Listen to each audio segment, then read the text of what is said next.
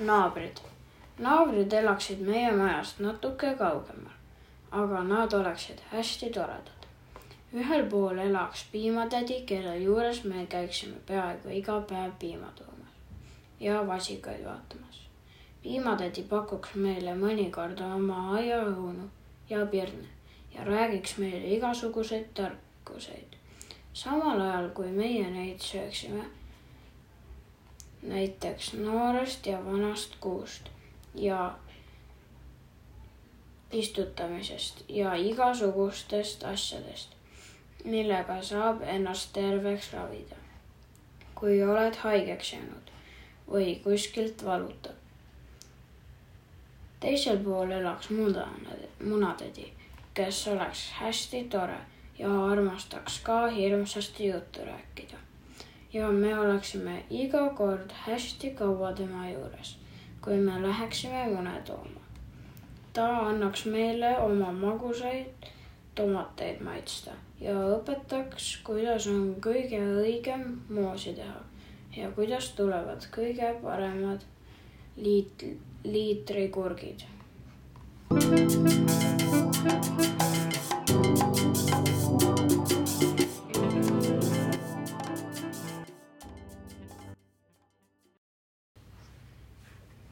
Kas täiskasvanud võivad äh, ka lasteraamatuid lugeda? ikka, jaa. mõndadele just ainult lasteraamatud meeldivadki. tere tulemast saatesse Nagu literally, kus me vaatleme kirjandust läbi põneva luubi ning täna on meil luubi all lastekirjandus. mina olen Kornelia. ja mina olen Birgit ja meil on täna külas Indrek Kohv, kes on kirjanik ja tõlk ja räägime täna siis tema lastekirjandusest, aga ka üldiselt kirjandusest. tere, Indrek! tere!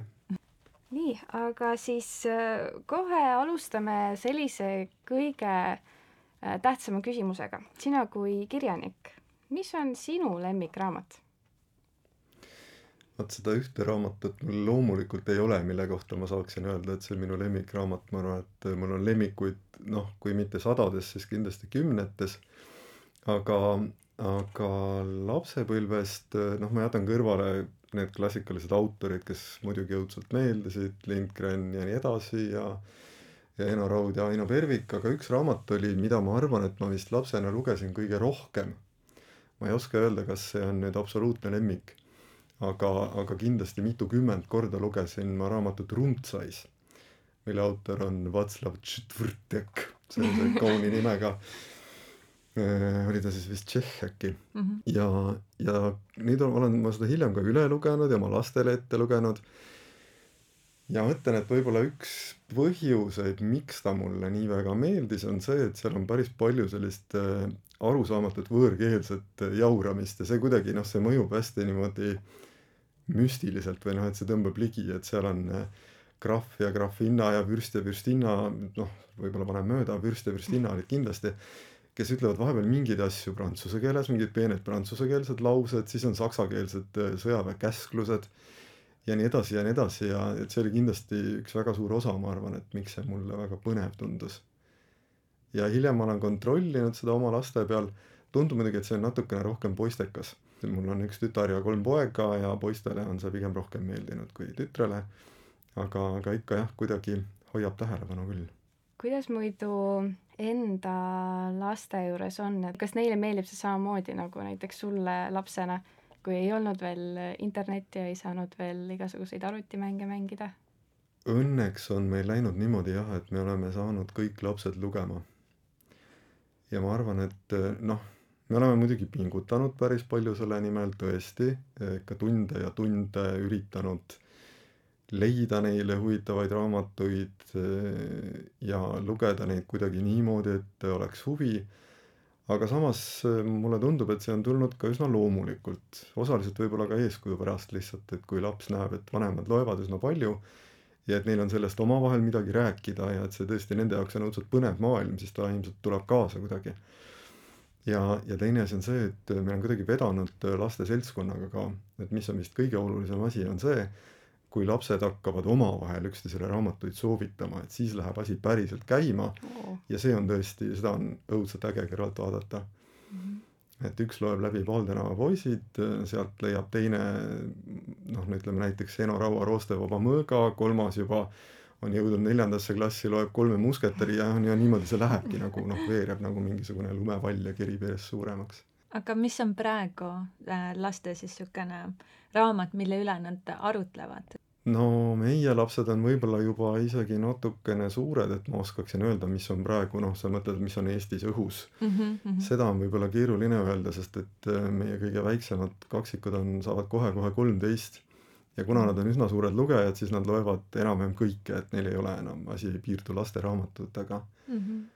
aga, aga noh, ma arvan, et äh, mis on äh, Eesti laste juures praegu päris populaarne, on igasugused äh, lastekriminaallid Mm -hmm.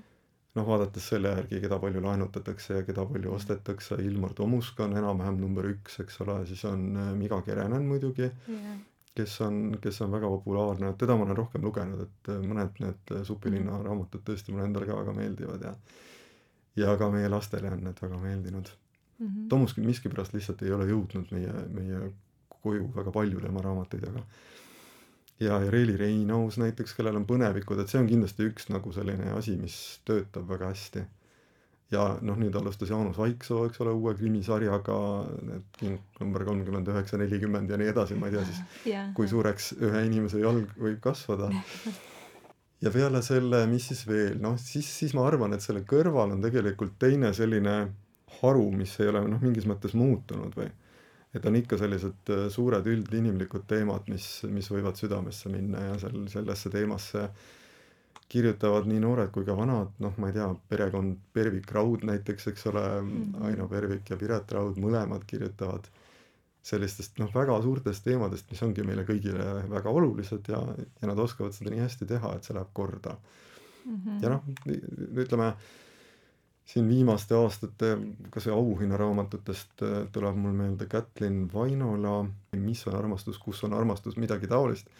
See oli minimaalse tekstiga väga lahedate illustratsioonidega raamat ja mis oli väärt auhindu, mille ta sai ja, ja ka seda populaarsust, et väga paljud lapsed ka väga tahtsid seda lugeda. kas see oli see, kus oli need jänestega, et tegelased olid vist väiksed jänesed või?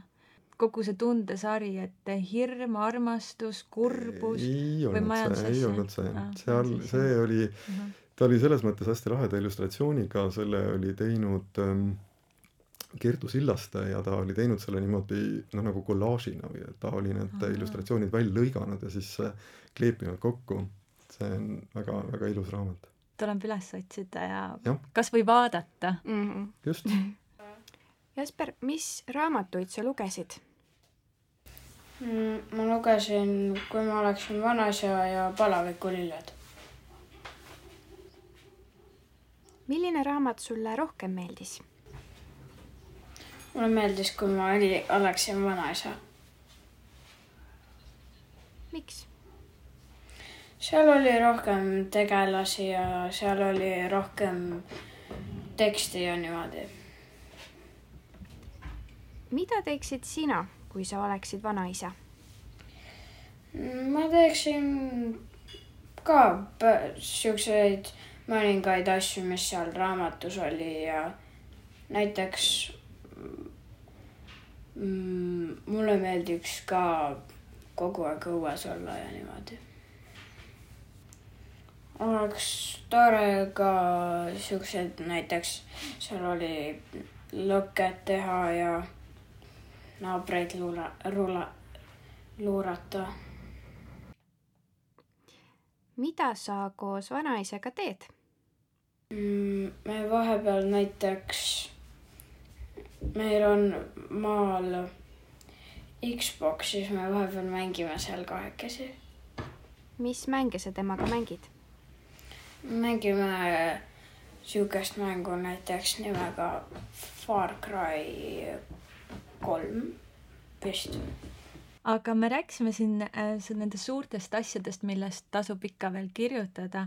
järgmine küsimus on, et see moraal ja näpuga viibutamine lastekirjanduses, kas see on nagu lahutamatu või võib sellest nagu mööda ka minna, et ei, see absoluutselt ei ole minu arust, ei, ei kuulu moraal lastekirjanduse juurde, täpselt vastupidi mm. -hmm. mulle on alati tundunud kuidagi niimoodi, et ähm, lapsed näevad sind palju paremini läbi kui, kui täiskasvanud lugeja isegi. et sa võid üritada täiskasvanud lugejat kuidagi ära lollitada ja, ja mõnega läheb õnneks, aga lastega väga harva sest nad ikkagi näevad väga selgelt ja, ja nad äh, lugejana või noh, ütleme publikuna ka reageerivad üsna otse mm. sa mhm. saad kohe aru, et kui sa oled mingisuguse nõmedusega hakkama saanud. ja, ja üks selliseid nõmedusi minu arust on jah, väga selge moraalitsemine, et kui sa ikkagi mm. ütled ära ja just nimelt nagu sa ütled, näpuga vibutamine, et mhm. noh, see on asi, mida tegelikult ei tohi teha mm. -hmm. ja kui sa vaatad äh, ka maailma lastekirjanduse klassikat, noh, ikkagi need, mis on jäänud kus on Lindgreni puhul näpuga vibutamine, sellist asja ei ole mitte kusagil mm -hmm.. noh, ütleme mingisugused sellised suured väärtused ilmselt on, eks ole, tuleb olla vapper, tuleb olla, tuleb teisega arvestada ja nii edasi, et mingisugused sellised põhimõtted on, mida noh, elus kahjuks alati me ei näe aga, aga see ei ole moraalitsemine, et see on kuidagi noh, et sa siis kirjutad mingitest oma ideaalidest või mm. -hmm. et nagu inimeseks olemine, eks, ja. jah, et jah, et mul on küll tunne, et kui, kui kirjanik hakkab kirjutama ja lähtub sellest mõttest, et äh, ma pean kedagi õpetama, et siis see on kuidagi üsna vale lähtepunkt ja muidugi noh, ega ju tegelikult väga paljud ei tee seda mm. -hmm. täitsa, täitsa nõus.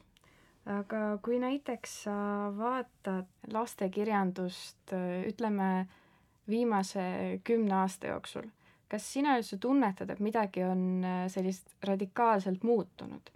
Selles, mis näiteks oli siis, kui kas sina väike olid või siis, kui sinu lapsed äh, väiksed olid? sa mõtled Eesti lastekirjandust? just. Hmm..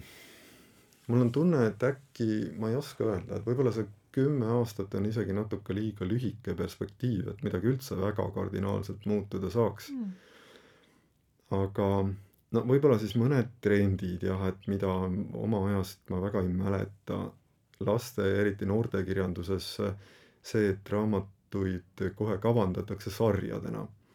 või et mm. kas või kogemata hakkab tulema sarjas noh, mingil määral küll ikkagi jah, et olid küll Naksitrallidest on mitu raamatut, eks ole, Sipsikust on mõned, isegi Triinust ja Taavist vist olid mõned, aga noh, see oli pigem selline erandlik, et üldiselt ikkagi kirjutas kirjanik ühe teose ja, ja tihtipeale sellega see piirdus.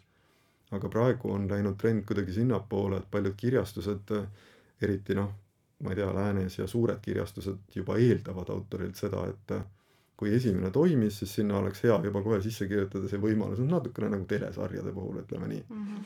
ja et võib-olla siis see ongi nagu see kõige suurem trend, et on päris palju sellist kirjandust, mis vastab tellimusele justkui või mm.. et ei ole ainult seda, et kirjanikud on leidnud oma südamest mingi väga sügava asja ja, ja peavad selle valama ainukordsesse teosesse, aga noh, samas ega seda siis ju ei olnud ka siis, kui mina väike olin, siis oli nõukogude aeg veel, eks ole. küll oli palju raamatuid punalippudest ja oktoobrilastest ja Leninist ja Leevikesest, ühesõnaga, et see oli nagu teistmoodi tellimus mm. -hmm. ja samamoodi noh, üks asi, kus on üsna selgelt minu arust näha kirjastuste tellimus või see, kuidas ka kirjastused võib-olla suunavad natukene laste, siis ma ei tea, nimetagem seda kirjanduse tarbimiseks või seda tarbimist, on äh, pildiraamatute vallas. noh, Eestis ei ole pildiraamatud väga populaarsed, ma pean silmas seda, mis on siis nagu mingis lääne traditsioonis pildiraamat, see tähendab seda, et pildil on väga oluline roll mm -hmm. ja et teksti on väga vähe, igal leheküljel on lause või kaks ja seal on ka noh, kin-, kindlad formaadid, kas kuusteist, kakskümmend või kolmkümmend kaks lehekülge või noh, kuni nelikümmend lehekülge, mitte rohkem. et noh, sellist äh, formaaditamist, ma arvan, on võib-olla siis ka natukene rohkem praegu. et see on mm., ma ei teagi, mis see on, et ilmselt on see mingisugune turusurve võib-olla või mm.. ma ütlen, et siin ei näe seda nii palju, aga ma olen paaril korral sattunud näiteks äh, Bologna lastekirjanduse messile, mis on maailma suurim laste- ja noortekirjanduse mess ja seal torkab see küll silma kohe kuidagi, et kui suhelda väliskirjastajatega, lähed sinna, näitad kõik oma raamatuid ja siis sa vaatad, tegelikult sa saad aru, et mida ta otsib, nad suhteliselt ruttu tõstavad terve paki kõrvale sellepärast, et ei vasta formaadile, sellepärast et teksti on liiga palju või siis mõnel juhul liiga vähe. ja mm -hmm. siis, siis on see, et ma ei tea, lehekülgede arv ei vasta nende soovitavale formaadile. ja siis on see, et pildikeel et mm. vot meie riigis ei ole noh, niisugune pildikeel ei, ei lähe peale justkui, et on sellised huvitavad mingid standardid, mis tekivad mm. -hmm. aga noh, jälle ma arvan, et küllap tegelikult mingisugused standardid on ju alati olnud või mingid moed või trendid, et mm -hmm. ei oska öelda, võib-olla see on lihtsalt natukene läinud kommertslikumaks, et äh, nõukogude ajal suunasid neid trende mingid muud asjad lihtsalt mm, -hmm. muud, muud nähtused. no kuidas üldse välja näeb, et äh, sa siis äh, tuled oma raamatutega, näitad ette ja nemad äh, lihtsalt äh, võtavadki kõrvale midagi, midagi jätavad meelde.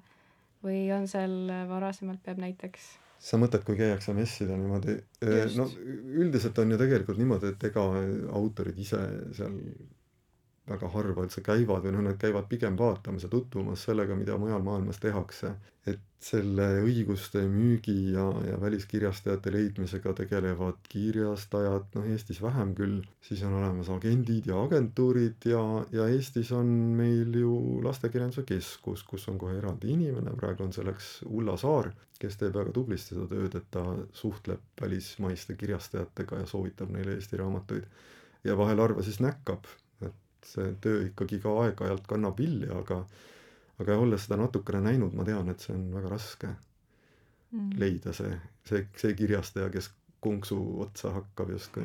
aa, ja siis veel äh,, tulen korraks tagasi selle küsimuse juurde, et mis muutunud on. et ilmselt on, mulle tundub vähemalt, et äh, on tasapisi järjest rohkem võetakse ette selliseid asju, mis varem on olnud võib-olla tabuteemad. et noh, igasugused, ma ei tea, kaka- ja pissiraamatud ja, ja nii edasi ja nii edasi. päris huvitav oli see, kui mõned aastad tagasi oli järjekordne lastekirjanduse keskuse, ma ei mäleta, kuidas seda nimetatakse, noh, ühesõnaga lastekirjanduse päev, mis on selline päev läbi kestev konverents ja siis seal oli üks Taanis elav eestlanna, kes rääkis Taani lastekirjanduse seisust. Ja ta ütles, et noh, et temale tundub, et Taani lastekirjanduses on enam-vähem kõigist teemadest kirjutatud praeguseks, et võib-olla siis see seks loomadega ja seks surnuga on väheseid teemasid, mida ei ole lasteraamatutes veel kajastatud, nii et noh, meil on veel pikk tee minna sinna, ütleme nii aga noh, näiteks, et surmast ikkagi juba kirjutatakse üsna julgelt ja mm -hmm. ja on raamatuid, ma ei tea, dementsusest ja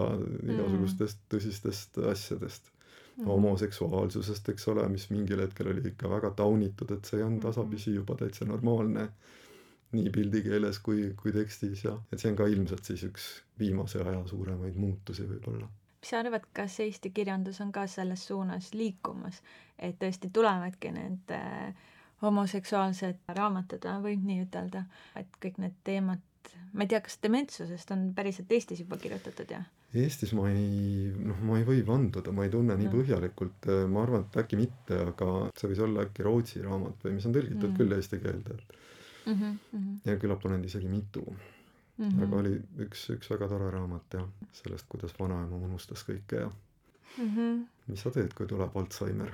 jah aga samas väga, väga vajalik, eks, sest et kuidas ja. sa seletad, on ju, lapsele, et Just. sest haigus tuleb, siis ta tuleb, on ju. jah, et sest eks kirjandus on ju mingis mõttes ka te üks teraapia vorme ja, ja kui on mingisugused tõsised mured ja tõsised teemad, siis raamat saab mõnel juhul tõesti aidata neid kuidagi lahendada või vähemasti noh, lahenduse poole liikuda mm. -hmm. me rääkisime siin sellest, et, et on nagu järjest avatumad need raamatud, aga et mõned aastad tagasi oli see Pipi teema, mõned asjad siiski on nagu jäänud rohkem tabuks või et, et äh, on hea toon mitte siis kasutada mingeid sõnu, aga et mis sa arvad, kas nagu peaks raamatuid sellepärast kohe ümber hakkama kirjutama?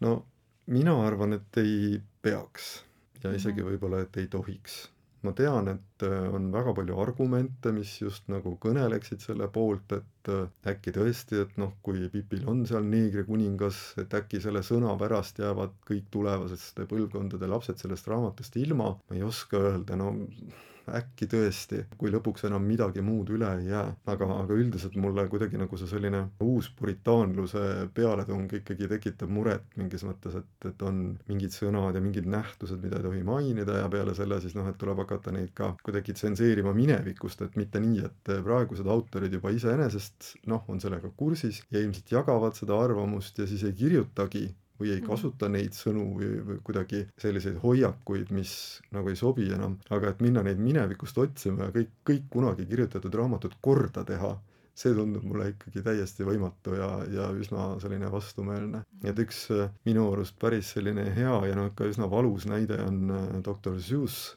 kes on Ameerika, oli, tähendab Ameerika noh, tõenäoliselt üks tuntumaid lastekirjanikke üleüldse, eks ole, kirjutanud väga armsaid luuleraamatuid, neid ise illustreerinud ja tõesti olnudki väga-väga armastatud, aga nüüd on siis takkajärgi leitud tema loomingust, et tal on ikkagi olnud mõned sellised rassistliku tooniga tekstid. ta ise olevat ka mõnest noh, enam-vähem lahti öelnud või öelnud, et ta on kahetsenud näiteks, kuidas ta Teise maailmasõja ajal jaapanlasi kujutas või no mingeid selliseid jaapanilikke elemente, mis olid tõesti üsna rassistlikud, sest USA oli Jaapaniga sõjas, saame aru Mm -hmm. aga et äh, nüüd tõmmata siis see tekk kuidagi üle kogu tema loomingu, et see on ikkagi imelik, et noh, miks ma sellest räägin, sest üsna hiljuti see kirjastus, mis on päris korralik selline suur ja jõukas kontsern, kes tema tekste välja annab, esines sellise mingi avaliku pressiteatega, kus nad ütlesid, et nüüd doktor Sussi teoste hulgas on kuus tükki, mida me ei kavatse rohkem välja anda. noh, see ei ole otseselt tsenseerimine, et neid ei korjatud ära kuskilt raamatukogudest, aga samas see annab nagu mingi väga selge sõnumi ja teine asi, mille peale ma sattusin samal ajal, kui see poleemika tekkis, oli see, et Ameerikas on selline üleriigiline lugemispäev, mis noh, siis kui ta alguse sai, sätiti doktor Seuss'i sünniaastapäevale. aga et see aasta olevat olnud siis esimene kord, kui temast distantseeruti, et päev on sama, seda ei muudetud ära, see on ikkagi tema sünniaastapäev aga noh, et pigem me siis võib-olla ei nimetaks seda või noh, ühesõnaga, et ei teeks enam nii suurt kära selle inimese ümber, et ühesõnaga, et tasapisi nagu mm. hakatakse jälle mingit ühte autorit niimoodi unustuse hõlma vajutama mm. -hmm. et sellised asjad teevad mulle tõesti ikkagi muret, ma pean ütlema. sa ütlesid äh, varem, et äh, kui täiskasvanuid saab veel lollitada, siis äh, lapsi nii väga mitte. oskad sa veel öelda, kuidas näiteks äh, nüüd täiskasvanute ja laste kirjanduse vahel on, et kas see erineb palju, kellele sa kirjutad? no võib-olla siis, kui ma ise kirjutan, siis ma võib-olla lastele kirjutades mõtlen ikkagi rohkem või mul on kuidagi silma ees see, see väike inimene, kes seda võiks lugeda või noh, kes seda võiks koos oma vanematega lugeda näiteks. ja lastekirjanduse puhul ma võib-olla mõtlen ka natuke rohkem sellele, mis vanuses ta umbes on, selle raamatu lugeja mm.. sest seal on ikkagi päris suured vahed, et kas laps on viieaastane või lausa kolmeaastane, eks ole, ta vaatabki, istub ema või isa või vanaema või vanaisa süles ja nad vaatavad pildiraamatut koos ja tema otsib sealt midagi hoopis muud kui see, mida kirjanik ja kunstnik sinna pannud on, või siis kui see on kaheteistaastane laps, kes on noh, juba ta loeb enam-vähem kõike, eks ole, et kui ta on suur lugeja. et selle peale tuleb kindlasti rohkem mõelda. täiskasvanute puhul jah, ma nagu noh, ma ei ole ju tegelikult väga palju kirjutanud täiskasvanutele, aga, aga kirjutades ei ole ma selle puhul ka siis kunagi mõelnud, et kes täpselt need inimesed on, kes võiksid lugeda. et pigem on kuidagi need täiskasvanute tekstid sündinud niimoodi, et tekib lihtsalt mingisugune välk idee ja siis tekib äh, mingi tung või mingi sund see kirja saada ja küll siis pärast paistab. ja noh, mõne puhul ongi nii, et mõnda on loetud ja mõnda ei olegi loetud ja mis siis ikka noh, et ei, ei ole midagi parata et lastele kirjutamine siis on natukene nagu rohkem niisugune selles mõttes käsitöö, et, et see lugeja ongi rohkem silmade ees ja ekstra nagu talle siis tehtud. no ütleme jah, et sa pead äh, sellega natuke rohkem arvestama, et milline ta on, et kui vähemasti seda, et mis vanuses ta on ja aga üldiselt ma arvan, et äh, lapslugejat ei ole vaja sugugi siidkinnastega paitada niimoodi, et äh, noh, näiteks äh, Jean-Claude Mourleva, kes on prantsuse autor, nüüd sellel aastal sai ta Astrid Lindgreni mälestusauhinna. Mm.. ma olen temalt tõlkinud äh, kaks raamatut, üks on noh, pigem lastele ja teine on puhtalt täiskasvanute raamat ja kui ta käis Tallinnas Head Read festivalil mõned aastad tagasi, siis tema ütles, ma vestlesin seal temaga ja ta ütles väga selgelt, et tema jaoks on väga selge vahe, et lapsele on ikkagi vaja anda lootust ja noh, mitte just, et otseselt, et peab olema väga happy end, aga ikkagi pigem ja täiskasvanuga on mõnus, et sa saad kohe ära kasutada seda, et sa ei pea seda tegema ja noh, tõesti, tal on novellikogu Siluett, mis on eesti keeles ilmunud, seal läheb nendel tegelastel ikkagi noh, paljudel neist läheb üsna halvasti elus, ütleme nii. ma ei tea, noh, võib-olla see siis on kuidagi jah, mingi selline vaatenurga küsimus, et mina ma mäletan, et kui me rääkisime, et siis ma ikkagi päriselt sada protsenti ei tahtnud temaga nõus olla mm. -hmm. ja teisest küljest seesama tema lasteraamat, mis on ka eesti keeles olemas, Ookeani laps, ma ei ütleks, et see nii väga hirmus õnneliku lõpuga on. see lähtub küll ähm, Pöialpoisi muinasjutust, mille ta on toonud tänapäeva ja kuidagi väga, väga lahedal viisil äh, tänapäevas siis laiali laotab selle muinasjutu kulu. aga see lõpp minu arust noh, ei saa öelda, et oleks otseselt happy end, nii et noh, võib-olla ta ka räägib vestluses ühte ja siis, kui kirjutama kukub, siis kirjutab ikkagi teistmoodi. et on nagu oma stiil, kurb stiil noh, võib-olla tõesti mm.. aga et kui lastele kirjutada, et kui palju mm, siis peaks mõtlema sellele, et tõesti see laps võib-olla loebki seda raamatut koos ema, isa või vanema, vanaisaga, et see köidaks mõlemat lugejat, nii last kui siis ka vanemat. või see, selle peale üldse ei, ei ole vaja mõelda? selle peale on vaja mõelda eh, siis, kui sa oled selline kirjutaja, kellel see ei tule loomulikult või mm.? mõtlen umbes nii. Kas lastele meeldivad pildid? Mm, meeldib, näiteks kindlasti meeldib, eriti veel noorematele lastele meeldib siukseid raamatuid lugeda, kus on vähe teksti ja, ja näiteks nagu Palavikulilled ja on hästi aru saada, mis toimub. kui on vähe teksti, siis mind nagu pole, nagu võib vähem pilte olla aga kui on nagu palju teksti, siis on tore, kui on mõni pilt ka. millised tegelased on head lasteraamatutes? Neile meeldivad mm, inimesed ja mm, näiteks mingid detektiivid ja superkangelased. Kes su lemmiktegelane on? mm,? Spider-man. no ja väga raske on enda tekstide puhul rääkida, aga mulle tundub kuidagi, kuna ma olen oma lastele väga palju ette lugenud, ütleme siis, ma ei teagi, umbes paarikümne aasta jooksul enam-vähem igal õhtul lugenud midagi unejutuks sellele mhm. lapsele, kes parasjagu on unejutu eas, siis mul noh, on küll jah, tekkinud mingisugune kogemus, eks ole, ja siis see, kuidas sa vaatad neid raamatuid, mida sa ette loed ja mida sa sealt välja loed ja noh, loomulikult on kõige parem ikkagi selline, mis kõnetab äh, korraga mõlemat, nii last kui, kui täiskasvanut. ja ma ei tea, kas see on siis äkki selle, selle kogemuse pinnal või ka üleüldse, et noh, ajuehitus on sünnist saadik niisugune, aga ma olen alati mõelnud, et, et see võiks nii olla ja, ja noh, loodetavasti on siis ka välja tulnud. et mul on tunne, et äh, vaata, kui täiskasvanu hakkab kirjutama nii, et ta kirjutab ainult lapsele, siis nii või teisiti, kus ta teab, mida see mhm. laps ootab, eks ole, et ta mhm. võib ikkagi ka väga kergesti mööda panna.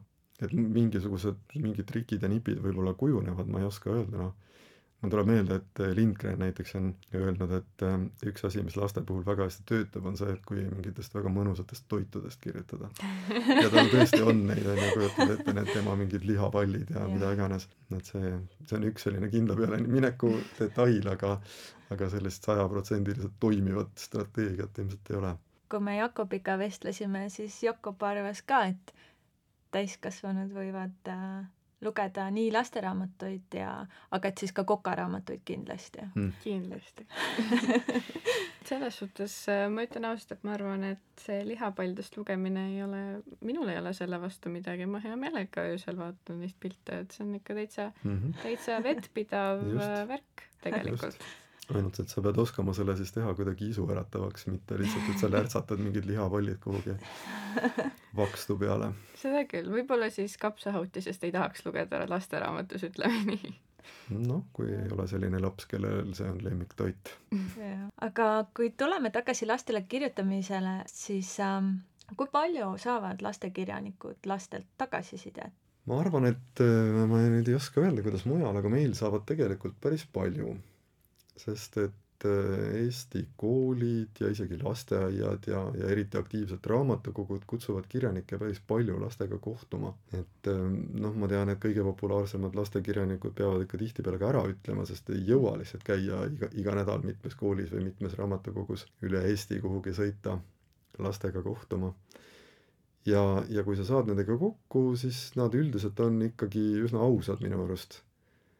et okei okay,, noh, võib-olla õpetajad on kõrval ja võib-olla igaüks ei julgegi üldse suud lahti teha, aga kui ta juba suu lahti teeb, siis ta, siis ta ikkagi noh, tema küsimused on siirad, ta tahab päriselt teada saada, miks sa nii tegid või miks sa nii ei teinud.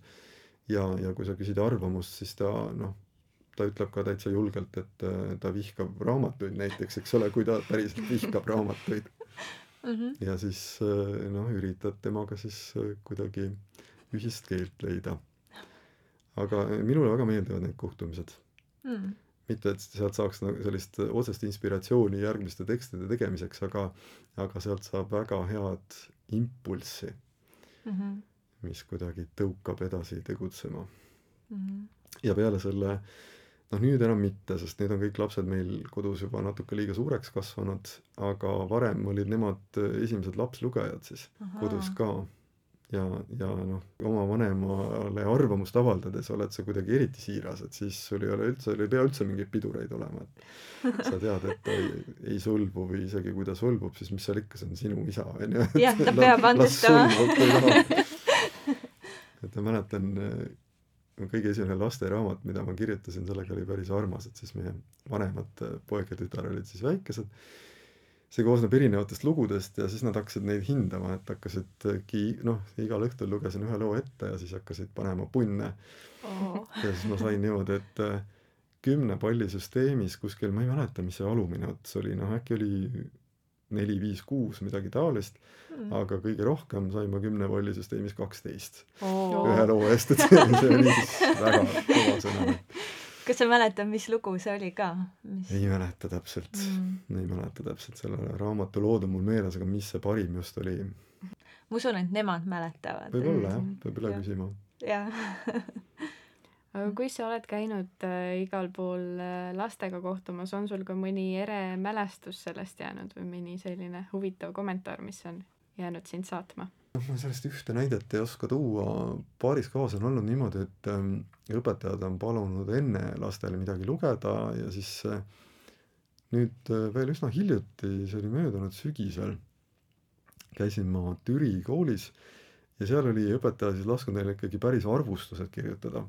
Mm.. ja mulle tundus, et need olid siis sellised aktiivsemad lapsed, kes olid ikka päriselt äh, mõttega asja juures olnud ja ja need olid päris head. Ja kusjuures nad olid veel niimoodi, et siis ma ei mäleta, mis klass see oli. Nad ei olnud mingid väikesed lapsed, nad olid ikka algkoolist ammu väljas.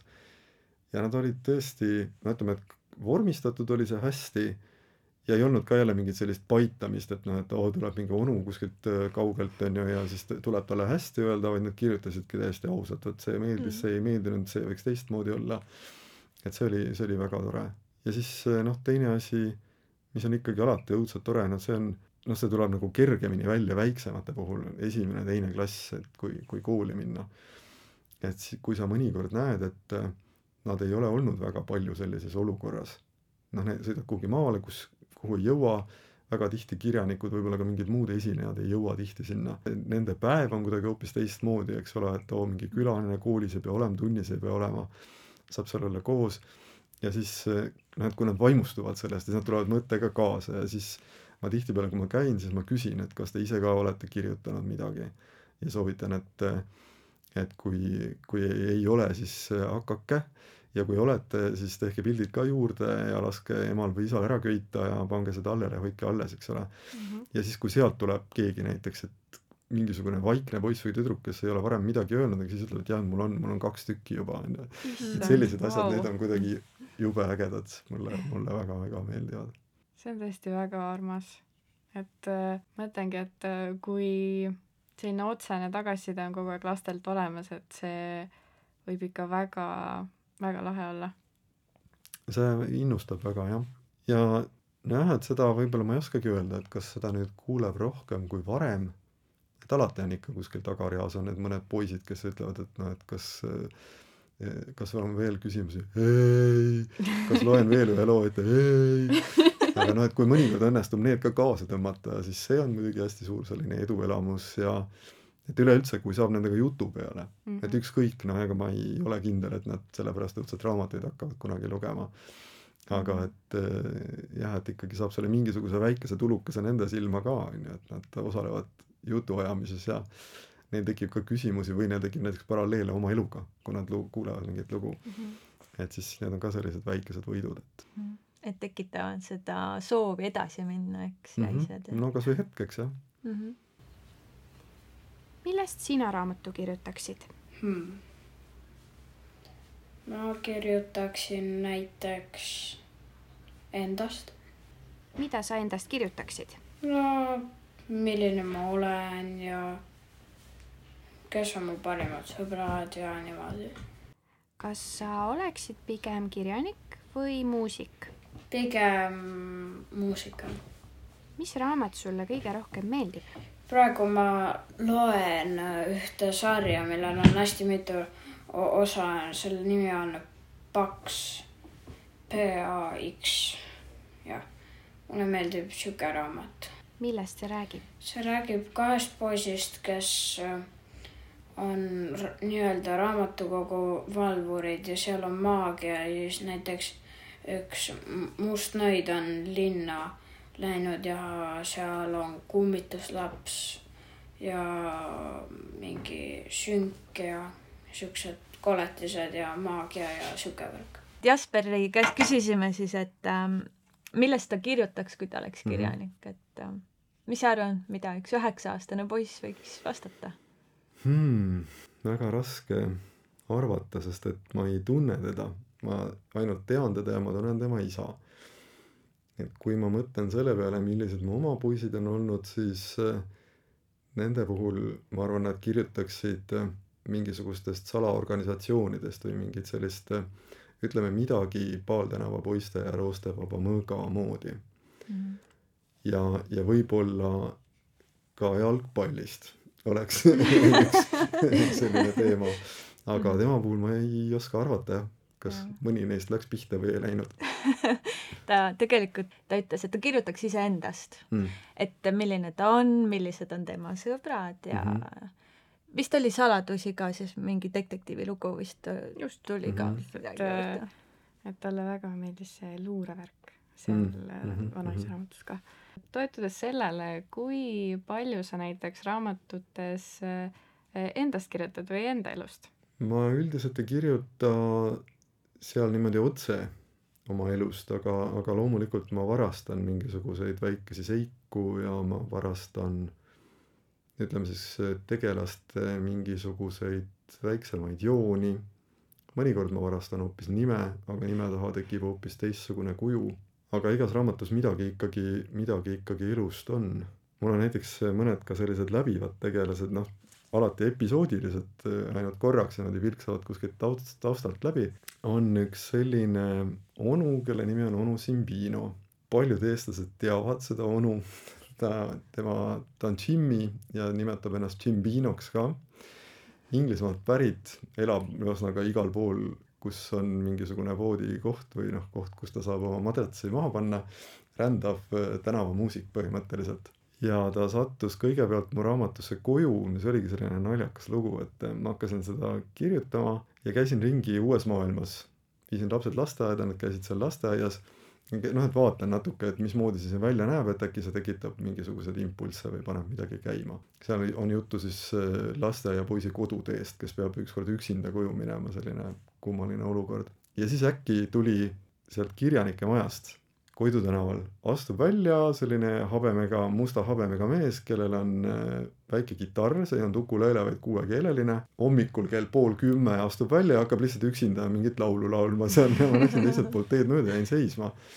ja kuulasin selle laulu ära ja siis äh, küsisin, kuule, et äh, ma siin kirjutan parasjagu sellist lastelugu, et mis sa arvad, kas ma tohin su sisse kirjutada, et noh, kui peaks sobima kuidagi. ja, ja kirjuta, kirjuta ja siis äh, oligi nüüd selle raamatu on ta kätte saanud ammugi juba, oli väga rõõmus, kui saatis mulle veel sõnumi, et nad emaga koos vaatasid seda Inglismaal.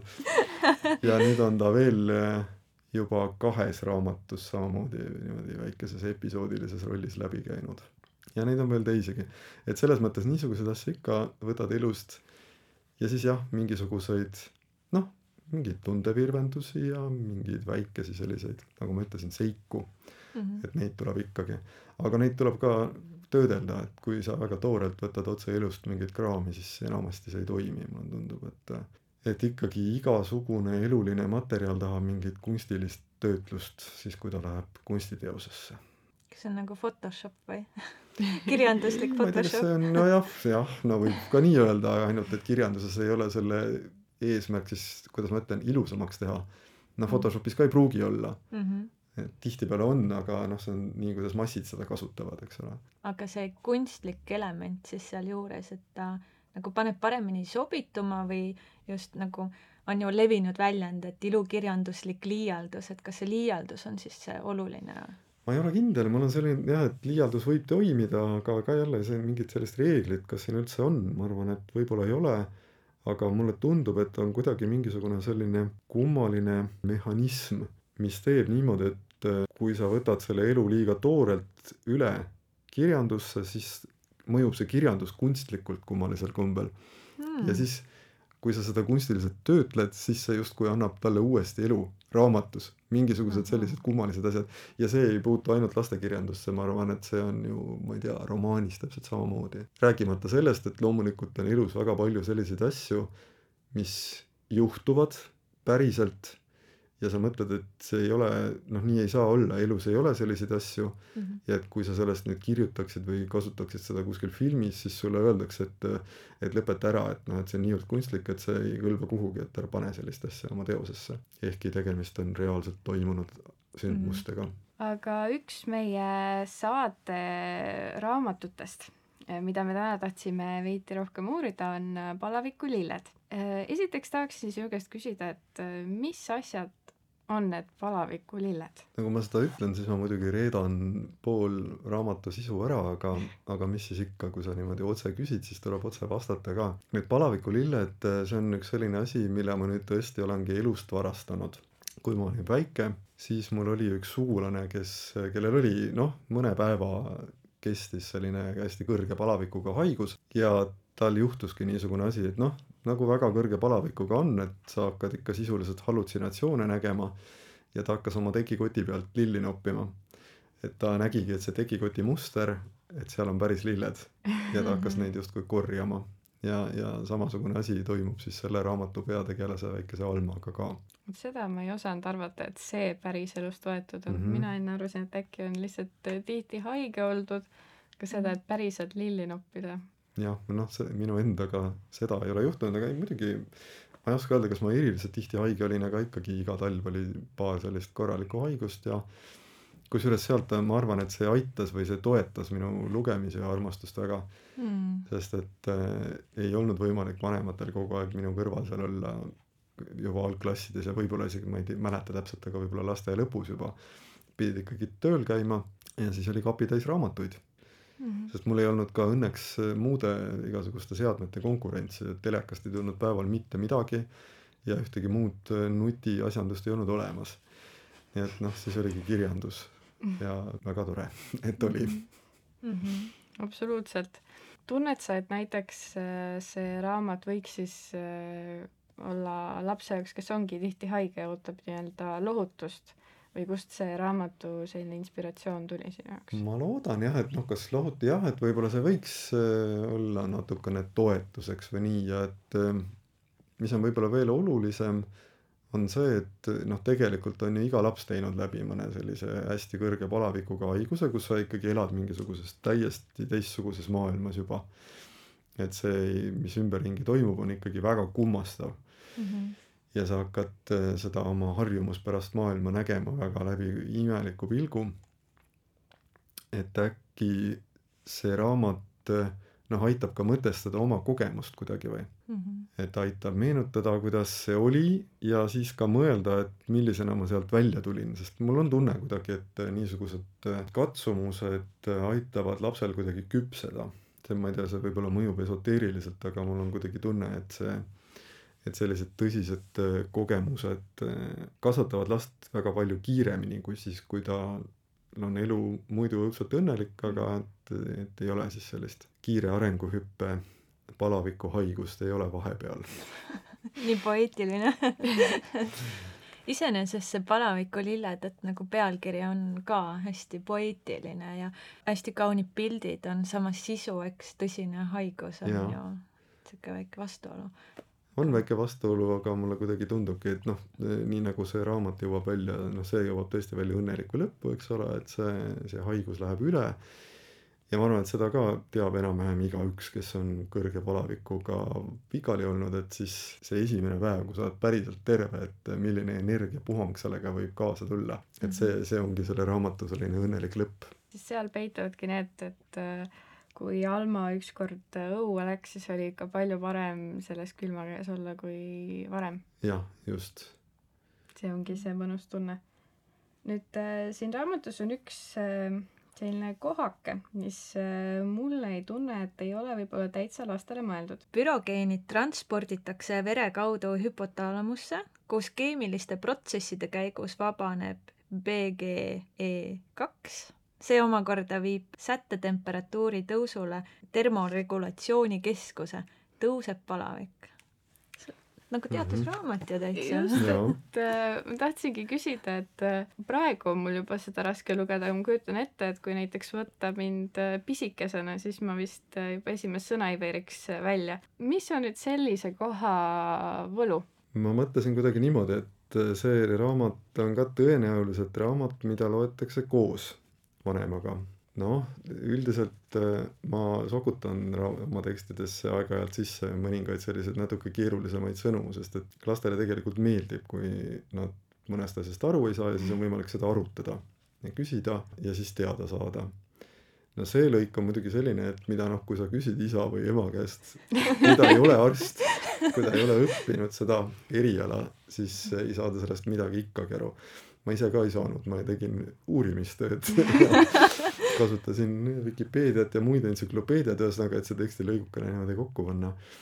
aga mulle kuidagi tundus, et õudselt lahe oleks panna siia just nimelt mingisugune selline entsüklopeediline mull kuhugi niimoodi väikene asi, mis tekitab kummastust ja tähelepanu ja siis paneb mõtlema, et kas me, kas me üleüldse saame aru, mis asi palavik niisugune on. ja noh, tegelikult kes tahab lihtsamalt sellest aru saada, võib minna tervishoiumuuseumisse, seal seletatakse väga mõnusalt ära mm.. mul oli selline õnnelik juhus, et või noh, mitte õnnelik juhus, no lihtsalt väga toredad inimesed sattusid äh, minu teele, kes töötavad tervishoiumuuseumis ja ma sain teha selle raamatu esitluse nende juures seal. seal oli üks lasteaiarühm kohal ja pärast oli siis üks väga armas giid, kes teebki lastega ekskursiooni, seletas neile konkreetselt niimoodi mustvalgel ja isegi lausa värviliste nukkude peal ära, et mis asi see palavik on ja kuidas see tõuseb ja kuidas ta langeb, et selles mõttes oli, oli lastele, ma arvan, see selline väga huvitav käik.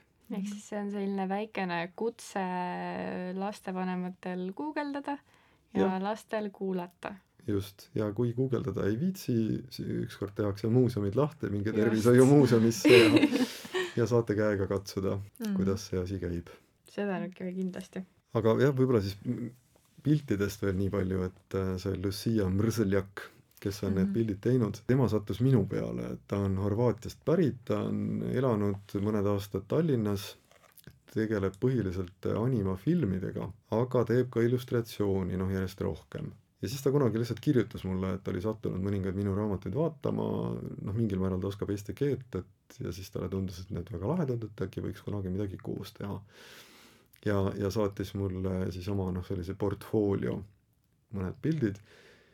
Ja mulle küll see algusest peale väga meeldis ja siis kuidagi ma arvan, et tema see pildikeel natukene ka suunas selle, selle raamatu kirjutamist, kui ma seda teksti hakkasin, hakkasin kokku panema. see oli selline päris pikk protsess ja noh, tema poolt ka need pildid on ülidetailsed sellised, iga pildiga ta Mhm. veetis ikkagi väga palju tunde, enne kui pilt valmis sai ja näiteks äh, selle raamatu puhul on ju ka niimoodi, et äh, siin on ka piltidel väga palju sellist asja, sellist materjali, mis kõnetab nii last kui ka täiskasvanut, et väga palju selliseid väikesi ootamatusi on siin piltides.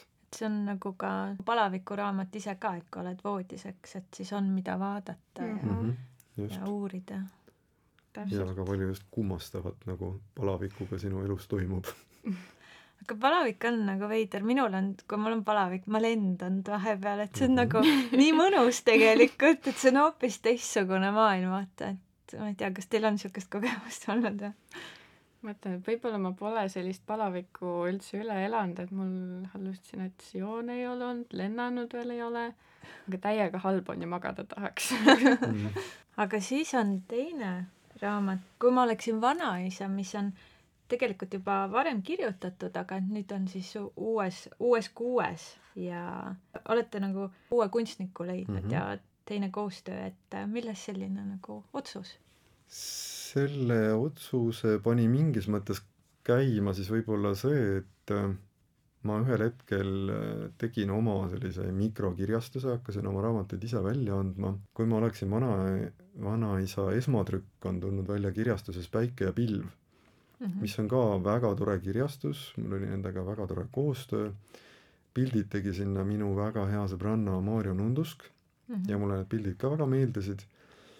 aga nüüd, kui ma mõtlesin, et mul on tunne, et selle raamatu järele noh, mingi nõudlus justkui ikkagi oli ja kuna mul ühtlasi hakkas taustal tiksuma endal kuidagi see vajadus, et ma pean nüüd ennast ka ikkagi vanaemaks kujutlema ja, ja ma pean ära kirjutama ka selle, kui ma oleksin vanaema, siis ma mõtlesin, et ma nüüd võtaksin võib-olla selle raamatu, tooksin ta oma kirjastuse katuse alla ja siis pöördusin Kadi Kuremaa poole, kes on ka väga hea kunstnik, tegi noh, hoopis teistsuguse pildimaterjali, ma ei ütle, et üks on halb ja teine on hea, absoluutselt mitte, et Mariani pildid olid ka väga armsad. esiteks tal on see vanaema kogemus ja, ja et kuna võib-olla tuleb teine raamat juurde, et siis võiks ju proovida niimoodi, et teeks siis sellise uue suurema projekti ühe teise kunstnikuga mm. -hmm. ja noh, et ühesõnaga, et et äh, see võib ka tekitada kohe selle küsimuse, et kas siit mingit intriigi õnnestuks punuda, aga selle, see mul õnnestus täitsa kenasti lahendada, et me oleme jätkuvalt Marioniga väga head sõbrad ja, ja ka Päikese ja Pilve inimestega saan väga hästi läbi, et ma ikka küsisin nende kõigi käest enne, ega nad ei võta seda väga südamesse. aga et siis äh, tuleb äh, nagu jätk vanaema loona? ja tulebki jah mm. -hmm. et täna ma võin juba seda päris kindlalt öelda, et tuleb, sest ma lõpetasin selle teksti eelmisel nädalal oh.. ja Kadi Kuremaa on seda juba lugenud ja öelnud mulle tagasisideks nii palju, et noh, ma küsisin, et kas sa oled huvitatud, et lähme selle teemaga edasi ja siis ta ütles, et ta ei näe teist võimalust et seda ma tõlgendan kui väga head tagasisidet ka tekstile, et Kadil on küll noh, selle vanaema ja vanaisa teemaga no ütleme, et see on talle endale lähedane ja, ja oluline teema ja peale selle on tal selline kuidagi pikem mingisuguse suurema näituse projekt teemal vana.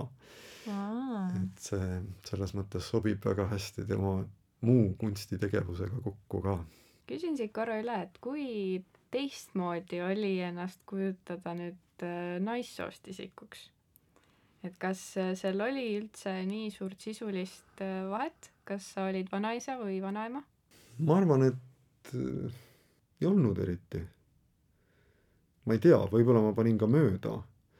praegu on seda lugenud ainult kaks inimest, seda te valmis teksti, üks on minu abikaasa Eva, kes ei öelnud mulle, et oleks väga hullusti mööda läinud või ühesõnaga, et naine ei saa niimoodi mõelda või et tüdruk ei saa niimoodi mõelda. see on ju noh, tegelikult selles raamatus siin on väike poiss, kes kujutleb iseennast vanaisana ja teises on siis väike tüdruk, kes kujutleb ennast vanaemana. mis küll juhtus, on see, et äh, selles vanaema raamatus on pisut rohkem teksti. noh, mhm. mitte niimoodi, et see oleks väga paks romaan, aga et iga lugu on natukene pikem.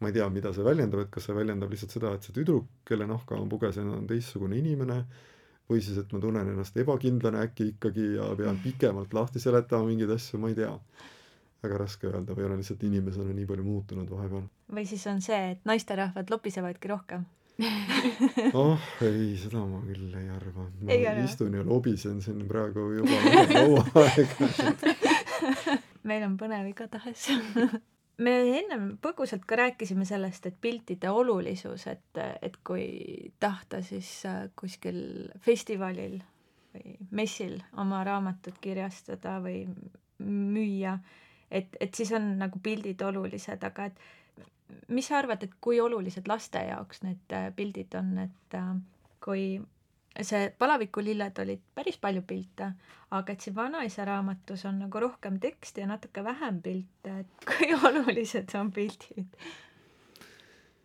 pildid on lapsele ikka väga tähtsad, ma ei tea, ma arvan, et te mõlemad mäletate seda aega, kui te olite väikesed ja lugesite raamatuid, et äh, ikkagi äh, noh, kas just ainult pildi pärast tekib sul lemmikraamat, aga pilt on ikkagi väga tähtis, et see kuidagi, ta toetab sinu kujutlust või mm. -hmm. kui sa, kui sa loed, siis loomulikult läheb mõte tööle ja sinu kujutluses võib ka tekkida tegelast ja, ja isegi noh, võib ju olla, et see on rohkem küll vist filmide ja ma ei tea, multikatega näiteks, et kui sa siis hiljem näed, siis sa oled väga pettunud, sellepärast et mm -hmm. sa mhm. kujutlesid seda tegelast ette hoopis teisiti mm. -hmm.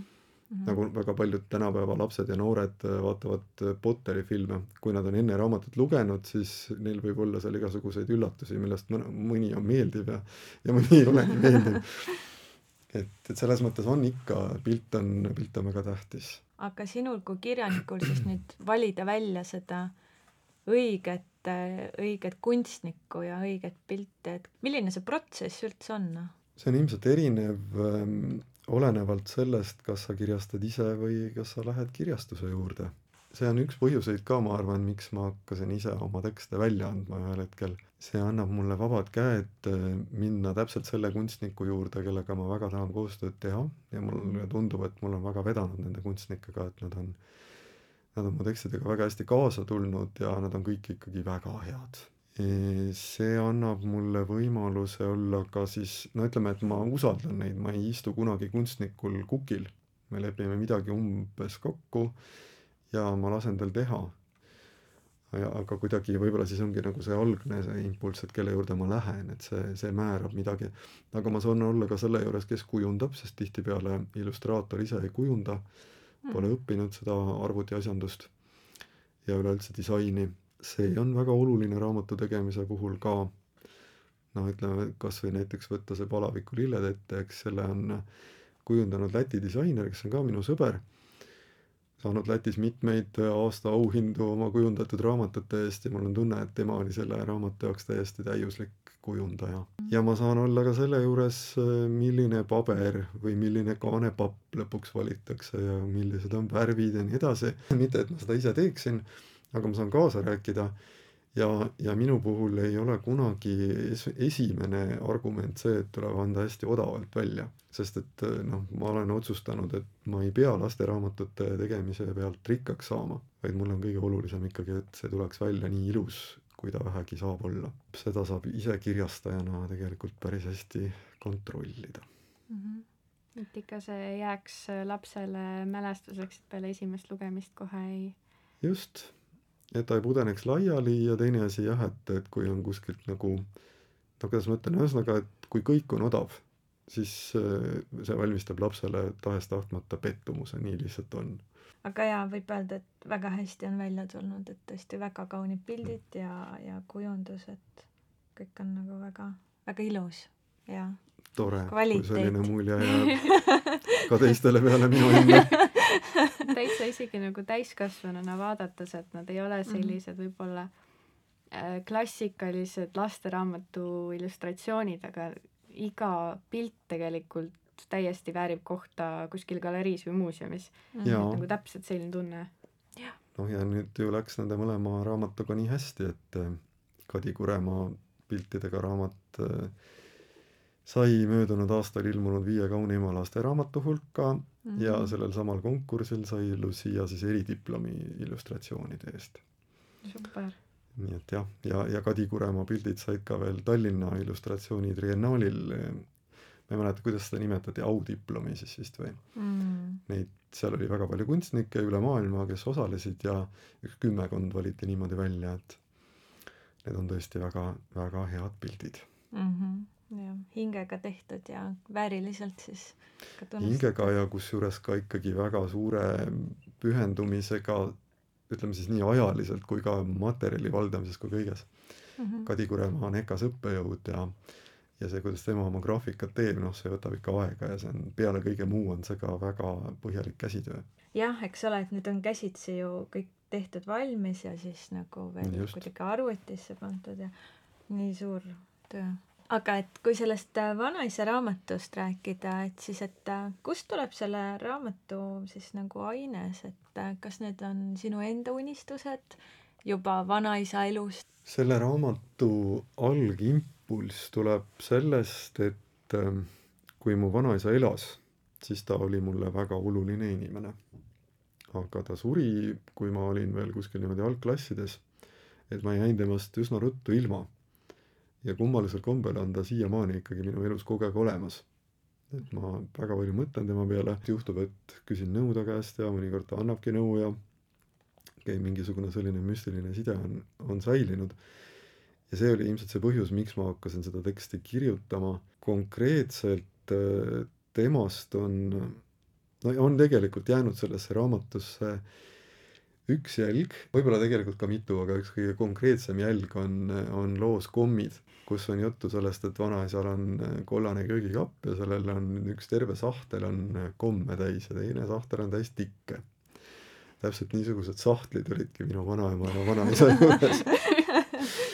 ja noh, ma seal ütlen, et äh, et miks need, neid komme seal nii palju peab olema, noh et mina ei tea, aga eks tema teab, et tema on ju vanaisa, eks ole mm -hmm.. noh, ma olen selle peale palju mõelnud ja oma vanematega seda arutanud, ma eeldan, et äkki see on kuidagi selline vist sõja üle elanud inimeste reaktsioon, et igaks juhuks peab olema ikkagi korralik tikuvaru ja siis mingi magusavaru, et suhkur võib otsa saada, et siis on midagi võtta.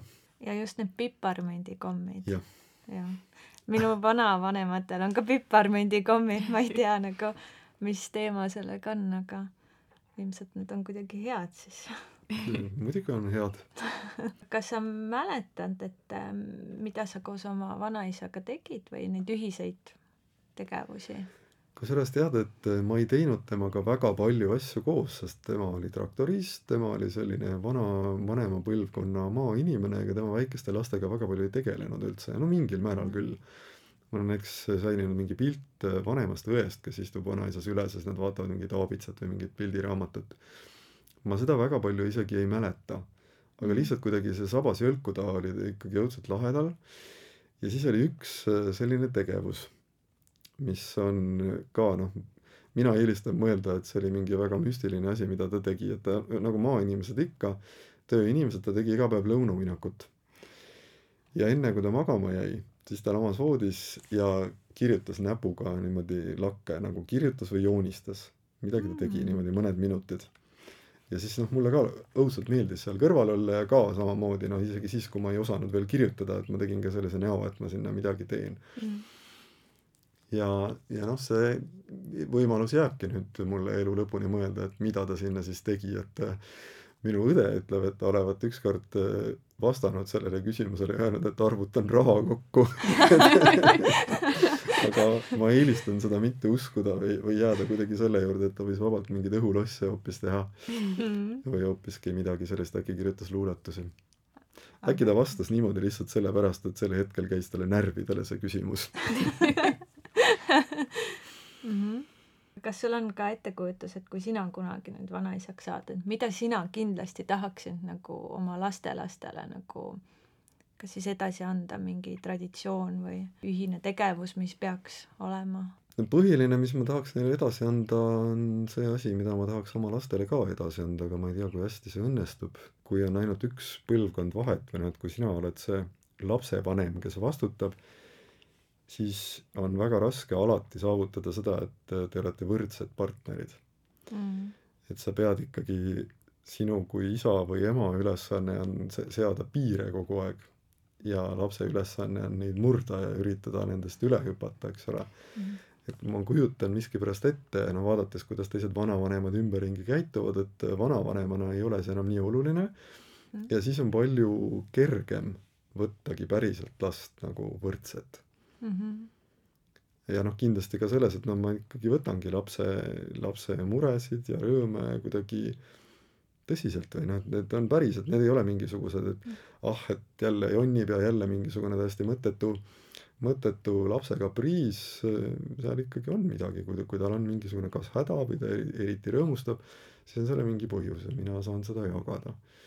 ja ma loodan, et äkki siis vanaisana kunagi õnnestub seda veel rohkem teha või kuidagi veel, ma ei tea, edukamalt teha, ühesõnaga mm. -hmm kui see vastutuse paine on õlgadelt läinud, ühesõnaga, et oma lapsed on suureks kasvanud ja lastelaste kasvamise vastutusena ma ei saa seda ju endale võtta, see ei ole siis enam minu kui vanaisa ülesanne, eks ole. aga siis äh, sellel vanaisa raamatus on minu meelest üks hästi oluline koht ka see surmateema ja selle surma puudutamine, et mis ajendas sind seda siia sisse panema? ma ei tea, mulle tundub, et see on ju oluline teema me kõik Mhm. kogu aeg, mitte kogu aeg, aga noh, me kõik mõtleme selle peale aeg-ajalt ja mitte ainult siis, kui mõni lähedane on surnud või kuskil kõrval plahvatab pomm ja me kuidagi napilt pääseme, vaid ikkagi see on nagu üks selline küsimus, mis on kogu aeg kuskil kõrval. ja see küsimus minu arust ei ole mitte ainult täiskasvanutel Mhm. või noh, et ei ole ainult, mitte ainult neljakümne aastane Woody Allen, kes mõtleb paaniliselt surma peale ja kardab seda, vaid äh, ka lastel käivad need mõtted peast läbi. et Mhm. mulle tundub, et selles mõttes äh, on vajalik seda natukene puudutada ja kuidagi noh, kas või riivamisi. Mhm. ja see, kui, kui matusest võib kujuneda lahe pidu, noh, mul on tegelikult äh, selle omaenda vanaisa peielauas selline mälestus, et loomulikult see oli noh, kõige traagilisem hetk, mis üldse sai olla. Peale selle ma pidin veel väikese lapsena miskipärast anti minu kätte see raske kobakas puust rist ja ma pidin matuserongkäigu ees sellega käima. Mm. Eh, aga siis, kui pärast oli peielaud, siis sattus meie vastu istuma keegi see mingi väga lahe naljanina, mingi kaugemalt sugulane, kes, kellel noh, silm säras ka juba, kui oli mitu korda mälestuseks võetud, eks ole, seal sai ikka juba nalja ja seal oli palju lapsi koos, sai pärast ringi joosta ja väga head jäätist pakuti, ma mäletan siiamaani. Mm. et eh, matusel on ju ka ikkagi mitu dimensiooni nii-öelda ja mitu, mitu meeleolu Mhm. tihtipeale on nii, et matusel hakatakse meenutama inimest ja siis ühel hetkel tulevad ka, võib tulla päris naljakaid lugusid inimese kohta, mis, mis ta on endast jätnud. ma arvan, et igal juhul väga väärt raamat ja tõesti, et selliselt il-, väga ilusti on ka puudutatud tõesti seda surmateemat ja kõiki neid erinevaid külgi, mis siis eluga kaasnevad. mulle meeldis siin see vanaisade olümpiamängud ka, et vanaisad võtavad mõõtu. on sul äh, viimaks äh, mingi mõte või näiteks raamat, mingi huvitav asi, mida sa tahaksid inimestega jagada, et mingi selline soovitus praegusesse aega? No kui me räägime lastekirjandusest ja jääme selle juurde, siis ma tahaksin praegusesse aega ja noh, tegelikult üleüldse soovitada väga Tove Janssoni Muumitrolli lugusid Mm. ma vaatasin eile just, oli üks minu kaheteistaastastest kaksikutest selle kuskilt leidnud riiulist ja noh, tegi korraks lahti, jäi nagu seal lehitsema. ja täna ma vaatasin, et ta loeb seda, et ta on juba kuskile poole peale saanud. Väga hea meel on, sest et see on selline raamat, mida, mida mitte kõik lapsed ei taha lugeda ja lapsel ongi võib-olla natukene raske haakuda, sest seal on seal on tõesti väga palju juba selliseid täiskasvanulikke tundevirvendusi, hästi peent psühholoogiat ja nii edasi. ja seal on noh, selliseid väga põnevaid inimtüüpe, mis kuidagi aitavad minu arust mõtestada ka praegust aega, ma ei tea, kas või näiteks Philip Jonka, kes kartis katastroofe ja, ja, ja mõnedki teised tegelased või hiljuti tuli mulle meelde seoses ühe teise kirjandusblogiga, kelle, mille tegijad ähm, kutsusid üles inimesi jagama kirjanduslikke pidusid, et millised peod on teile meelde jäänud, siis äh, mulle ja nä-, nägin ka, et mitmele teisele oli meelde tulnud äh, isevalitseja juubel, mis on seal, kui ma ei eksi, Muumipapa ja meri või no igal juhul noh, Eestis on nii või teisiti see kõik ühtede paksude kaante vahel ilmunud et see oli üks vägev pidu näiteks ja noh, seal on absoluutselt kõike, muuhulgas palju sellist, mis sobib praegusesse aega ja aitab kuidagi seda, seda surutist nii-öelda üle elada, et aitab ära oodata selle, kui saab päriselt inimestega kokku jälle. aga siis äh, soovitame kõigil taas äh, Muumitrolle uurida, et tõepoolest väga lahedad tegelased ja ma arvan, et nagu ka ütles meie väike külaline, et ega need lasteraamatud ei ole ju tegelikult ainult lastele. nii ütleski, see on küll tore. just. et mõned ikkagi ainult lasteraamatuid loevadki täiskasvanud. mõned teised võib nii ka olla, jah. mina muide lugesin väga palju lasteraamatuid ülikoolis Mm -hmm. ja siis ma ei teadnud veel sellist sõna nagu prokrastinatsioon, aga, aga ütleme enne mingeid väga õudsaid eksameid või kui oli kohutavalt vaja tuupida, siis näiteks siis ma lugesin põhjalikult läbi Muumitrolli muuseas ehk siis ka sessiaega tegelikult meile kõigile siis loeme hästi Muumitrolle. jah, ja vahelduseks võib vaadata ka Indreku raamatuid ja neid ilusaid pilte. sest siin tõesti on detaile, kuhu kaduda. Absoluutselt. jah. aga aitäh, et sa tulid meiega täna vestlema. no aitäh kutsumast, väga tore oli teiega. suur-suur aitäh! jah, meil oli ka tore.